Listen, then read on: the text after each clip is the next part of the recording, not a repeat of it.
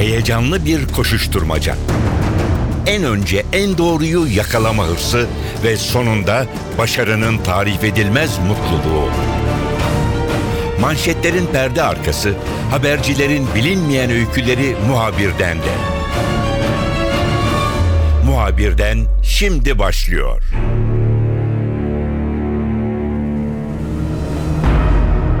Muhabirdenin bu haftaki konusu Mısır olacak. Son olarak darbe yönetimi Türk gazetecileri hedef aldı ve Mısır'da Türk gazetecilerin çalışması gerçekten çok zor hale geldi. Orada ofisi bulunan Türk basın kuruluşlarına tepkiler var. Gitmek isteyen gazetecileri engellemek için bir takım yöntemler geliştirdi Mısır'daki darbe yönetimi. Dolayısıyla Türkiye artık farklı kanallardan, belki uluslararası ajanslardan, orada hala kalmayı başaran az sayıdaki gazeteciden bu ülkedeki gelişmeleri izlemeye devam ediyor. Yönetim şiddete başvuruyor. Çok sayıda insan geçtiğimiz günlerde yaşamını yitirdi. Peki Mısır'da bundan sonra ne olabilir? Bu sorunun yanıtını NTV program yapımcısı Mete Çubukçu ile konuşacağız. Muhabirden başlıyor. Ben Kemal Yurteri.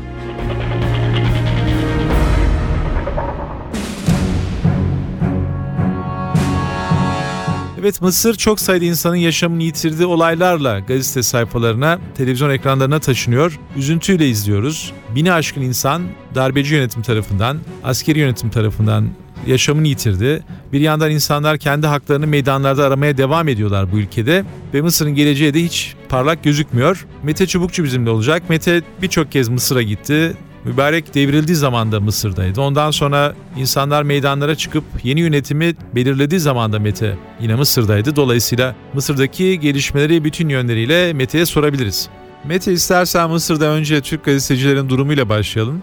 Genelde bölgede çalışırken biz gazeteciler, e, Türk gazeteciler sorun yaşamayız. Doğrudan hedef alındığımız yer sayısı azdır. Ancak bu defa Mısır'daki yönetim darbe sonrası yönetime el koyan isimler Türk gazetecileri nedense bu ülkede istemiyorlar. E, sırayla gözaltına aldılar. İşte bir takım gelmemeleri için veya e, çalışmamaları için neredeyse her şey yapıyorlar. Sence bunun nedeni nedir? Nereden kaynaklanıyor bu tavır? E, şimdi bu bütün dünya basınına e, yönelik olsa hani darbe yönetimlerinin, junta yönetimlerinin klasik bir e, basın üstünde kontrol ya da baskısı olarak e, değerlendirilebilir. Çünkü her e, darbe yönetimi böyle yapar. Gelir önce e, işte kendi basını sonra yabancı basını bir şekilde zapt zapt altına almaya e, çalışır. Mısır'da baktığımızda genelde böyle bir şey olmakla birlikte özelde bir takım ülkelere e, ring gazetecilerine yönelik baskılar artmış gibi görünüyor. İşte en başta Türkiye var. El Cezire bürosu basılıyor zaman zaman kapatılıyor açılıyor ama e, Türkiye'den giden gazeteciler ya da orada yerleşik olan e, gazetecilere ciddi bir baskı var. E, Metin hala gözaltında süresini uzattılar. E, gerekçesi de işte evrak bir evrak ki orada yaşıyor. Evrağın şey olması, eksik olması. E, yine orada işte TRT için çalışan bir Arap asıllı e, gazeteci alındı, e, bırakıldı. İşte bir ajansın bürosu basıldı. Ee, ve Türkiye'den giden gazetecilere basın yayın enformasyondan bana da gelmişti. Öyle bir prosedür e, getirmişler ki yani o prosedürü aşıp zaten Mısır'a gidip gazetecilik yapmak mümkün değil. Yani şunu demek istiyorlar. Buraya gelmeyin. Ee, orada olanlar da Türkiye'ye e, dönüyor. Bu işin e, resmi tarafı bir de gayri resmi tarafı e, bizzat orada tehdit altında oluyorsunuz. Yani işte bu El Fetih Camii'ndeki baskında e, gördüğümüz gibi orada hani o gaz şeye e, camiye sığınanlar dışında oradaki gazetecileri de aldılar hapse attılar. Yani e, olacak şey değil. Yani sonuçta e, biraz Mısır yönetimi e, Türkiye'li gazetecilerle Türkiye'nin hani e, Mısır'a e, yönelik politikasını özdeşleştiriyor. Aslında sen de bilirsin ki hani gazeteciler e, kendi e, devlet ya hükümetlerini temsil etmezler. Gazetecidir. E, her hükümetin bir politikası vardır bir yere karşı. Gazeteci de normal haberini yapar ama onlar gazetecileri de öyle bir şey gibi görüyor, temsilci gibi e, görerek e, baskı uyguluyor. E, Türkiye yönelik bir e, hareket diye değerlendirmek gerekiyor. Mete sen bölgede birçok ülkede bulundun. Tabii Mısır'ı ayrıca sormak istiyorum ama Türk gazetecilere sorun yaşatan e, benzer durumlarda işte Irak Savaşı'nda var, e, Lübnan bir takım iç karışıklık döneminde veya İsrail'in o e, Filistin operasyonları. Orada böyle özel bir tavır pek görülen bir şey değildir diye en azından biliyorum veya belki de vardır. Şimdi o konuda tabii bir şöyle de olacak mı? E, oldu. Aslında bölgeye bakacak olursak yani açıkçası 3-4 sene önce çok rahat gezdiğimiz, çok e, muhabbetle karşılandığımız bir takım ülkelerde e, biraz e, demin söylediğim nedenlerden dolayı biraz ön yargıyla karşılanma başlandı. Zaten Suriye'ye şu anda gitmek mümkün değil. Yani kimin ne olduğu, ne yaptığı belli değil. Belki Çok bazı karmaşık. arkadaşlar gir çık yapıyorlar galiba. Çok Evet. yakın bölgelerde bir tur Ya- atıp geri yakın geliyorlar. bölgelere gidip geliniyor ama hani orada e, gidip hakikaten çok detaylı bir şey e, yapmak e, çok mümkün gözükmüyor. E, çok riskli en azından onu söylemek gerekiyor. Lübnan'da ortada bir durum var e, bu anlamda. E, işte Mısır'da anlattığımız e, koşullar e, söz konusu. Evet İsrail'de bir şey olmuyor. Hani herhangi o anla şey anlamında hani gelmeyin e, gibi bir şey e, yok. Orada da biraz şeker renk e, durum var. Son zamanlarda bunlar biraz e, arttı. Irak'ta hani Kürt bölgesi dışında merkezi hükümet e, Kerkük'e gitme ya e, Bağdat'a gitmek istesen yine onlar da bir sürü prosedür çıkarıyorlar. Yani böyle bir e, zorlu bir süreç gazeteciler için e, başlıyor gibi görünüyor bölgede. Mısır'daki durum neydi? Sen gittiğin dönemlerde herhalde böyle uzun prosedürler, bir takım dolan başlı akreditasyon yöntemleri vesaire yoktu galiba. Daha rahat çalışma imkanı vardı. Şimdi şöyle bir şey var ya mübarek döneminde çok zordu. Gerçekten vize çok almak zordu. çok zor zaten. Hem vize gerçekten. almak zordu hem gazeteci akreditasyonu almak zordu. Akreditasyon olsa bile sokakta. Ee, yani çekim yapman haber yapman. Ben 2009'da yani Obama'nın e, Kahire konuşması vardır ünlü. Onu izlemek için gittim. Mübarek hala iktidarda ve özel akreditasyonlar çıkarıldı. Herhangi bir çarşının bir yerinde detay çekiyoruz orada. 10-15 tane nereden çıktı belli olmayan sivil e, polis birden atladı. Ne yapıyorsunuz? Aslında yaptığımızda bir şey yok. Normal çarşı pazar çekiyorsunuz. Yani öyle bir korku e, devleti, öyle bir güvenlik polis devleti altındaydı. 2011'den sonra rejim devrildikten sonra bu prosedür devam etmekle birlikte bu biraz gevşetildi. Yani köprünün üstünde ya da normal bir şekilde. Genelde bazı rejimlerinde böyledir. Belki Irak'tan sen de bilirsin. Yani bir Bağdat'ta duvar çekerdin.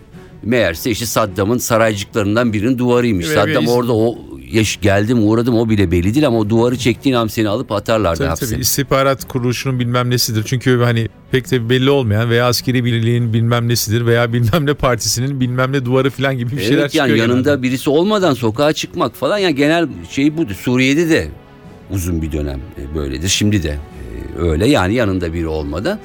E, bu iki senelik dönemde bu gevşetildi. E, Medya biraz daha özgürleşti. Yabancı gazeteler daha özgür çalışmaya e, başladı. Yani normal standartlı çalışmaya başladı. Ama şimdi bu darbeyle birlikte e, belli ki e, yine mübarek dönemin ayarlarına sanki geri dönülüyor gibi görünüyor.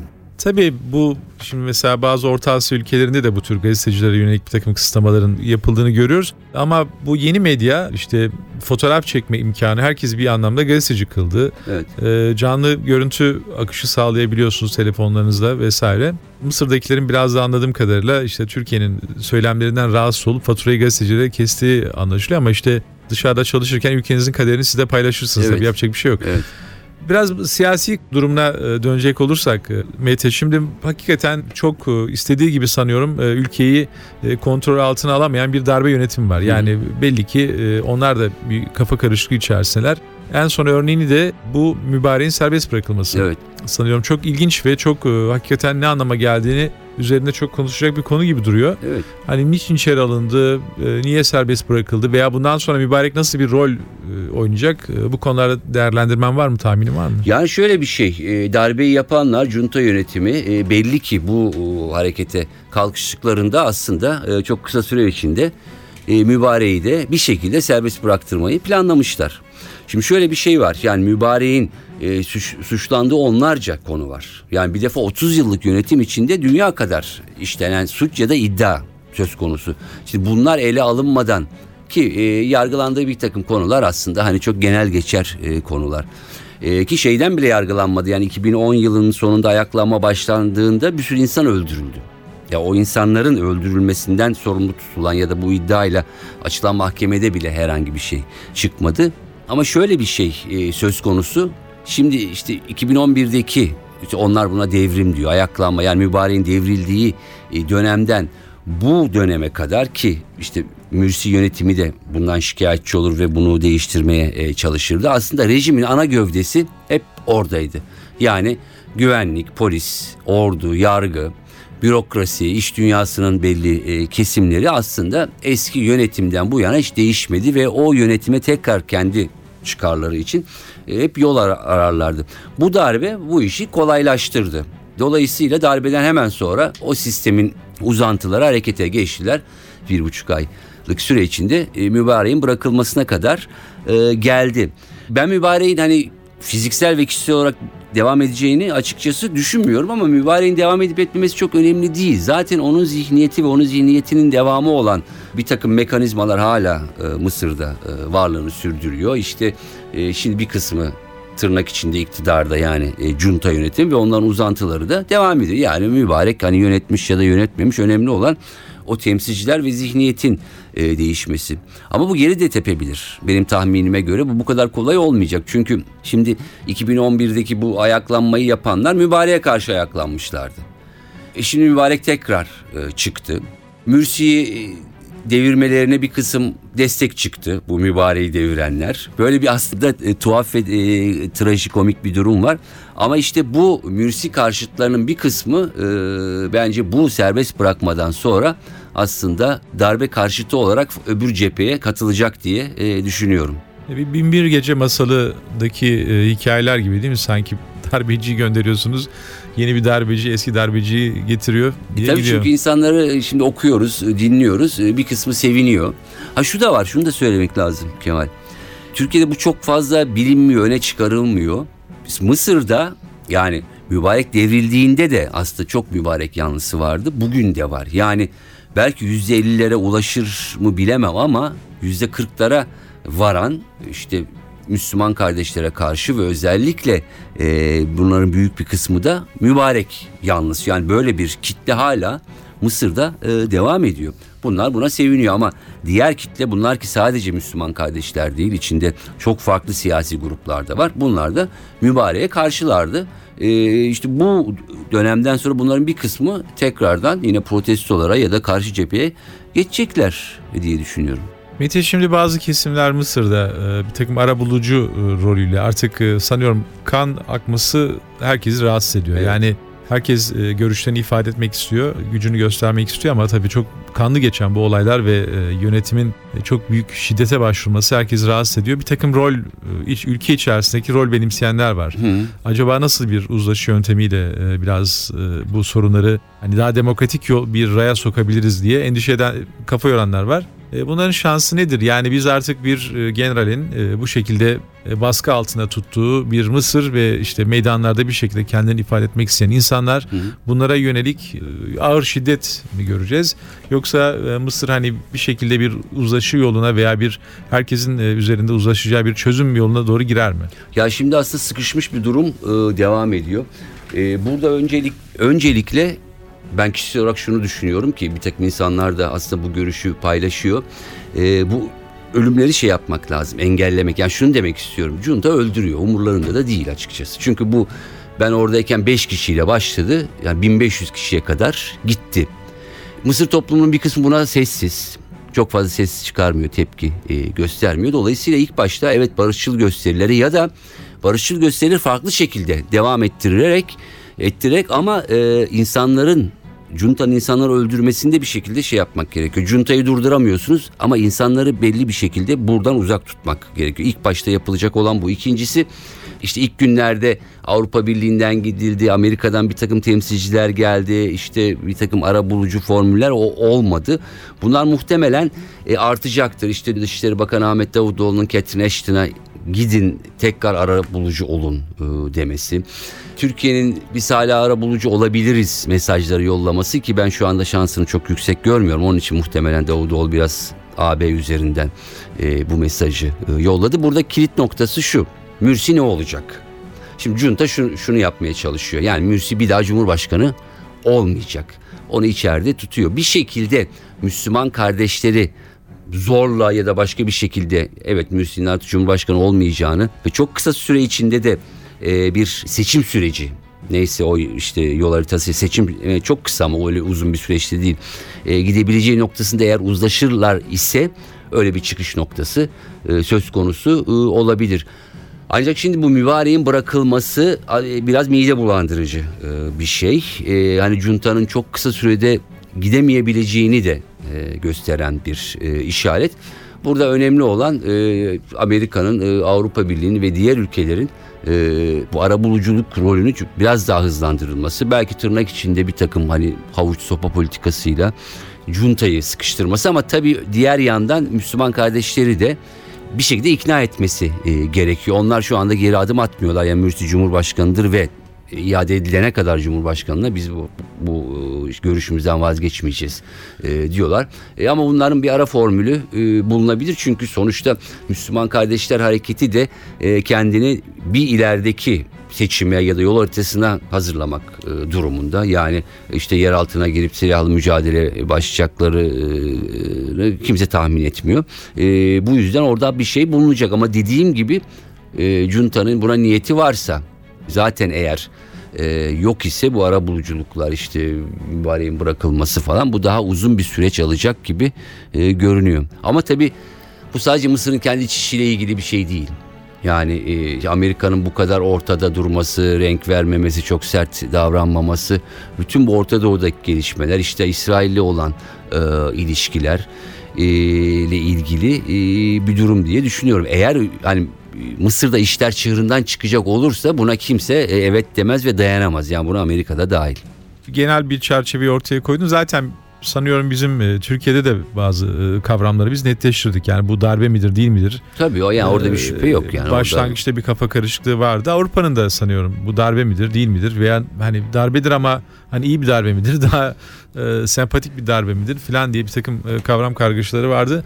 Amerika'nın durumu bir anlamda özetledin. Fakat Avrupa e, hala yani belki de en azından Türkiye'nin beklediği veya Orta Doğu'daki ülkelerin beklediği kadar büyük tepki göstermiyor. Bu çok yüksek sayılarda insan hmm. yaşamını yitirmesine rağmen. O cephedeki durum nedir ya sence? Orada şu şöyle bir durum var. Aslında e, bu 2011 ile işte Arap ayaklanmalarıyla birlikte hani e, Batı'nın eski paradigması yani böyle işte daha tepeden daha sömürgeci ve o yıllardır alıştığı politikasını biraz değiştirdiğini düşünüyorduk ama e, genel olarak bunun değişmediğini bir şekilde e, gördük. Yani oradaki bakış açısı e, hala şöyle. İşte sandıktan çıkmış olsa bile biraz işte İslami duyarlılığı yüksek ya da bir İslami kökenli bir parti ise işte bu hani e, ülkeyi başka bir yere e, götürür bir defa bakış açısı var. Birincisi bu. İkincisi herkes kendi çıkarıyla açıkçası orada hareket ediyor ve hani o çıkan hani çok klişe belki ama son kertede onu düşünüyor. Şimdi birileri şunu açıklaması lazım. Amerika ses çıkarmıyor ya da yarım ses çıkarıyor e, diyelim. E peki orada e, evet Batı'nın böyle bir ya da Batı diye bir kategorik bir şey yapmayalım ama işte Avrupa Birliği'nde çatlak sesler de var e, darbeye çıkan ama genel olarak bir şey demiyor. E, öbür tarafta Suudi Arabistan var. Katar var. Katar bile yani e, ses çıkarmadı. Körfez ülkeleri var. Bölgedeki bir yapılanmanın aslında ya da yeni yapılanmaya karşı e, önlem almanın herkes kendi altyapısını e, oluşturuyor. Dolayısıyla bir askeri yönetim gelmiş bir sivil yönetimi e, uzaklaştırmış. Bu bir darbedir. Hele olağanüstü halle birlikte üzerine hem de bir de şey yaptılar. Yani kendi hani ne derler darbenin kremasını da e, orada e, sürdüler. Dolayısıyla orada böyle bir şey yok. Orada herkes kendi çıkarını, ilişkisini e, götürüyor.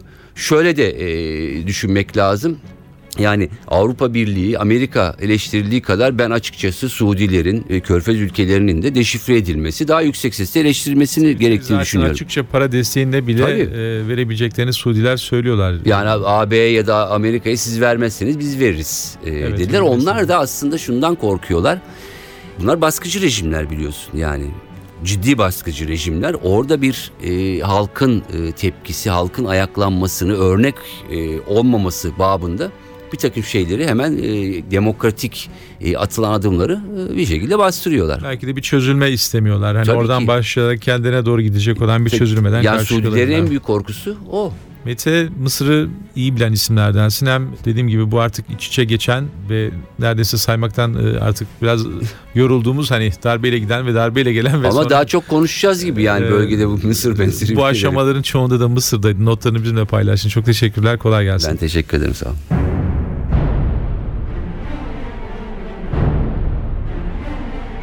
Muhabirden de bu hafta Mısır'a yakından baktık. Türk gazeteciler için zor bir çalışma bölgesi haline geldi Mısır. Mete Çubukçu ile bu konuyu gözden geçirdik. Ben Kemal Yurteri muhabirden de yeniden görüşmek üzere. Hoşçakalın. Haber için değil de haberin hikayesi için şimdi onlara kulak verme zamanı.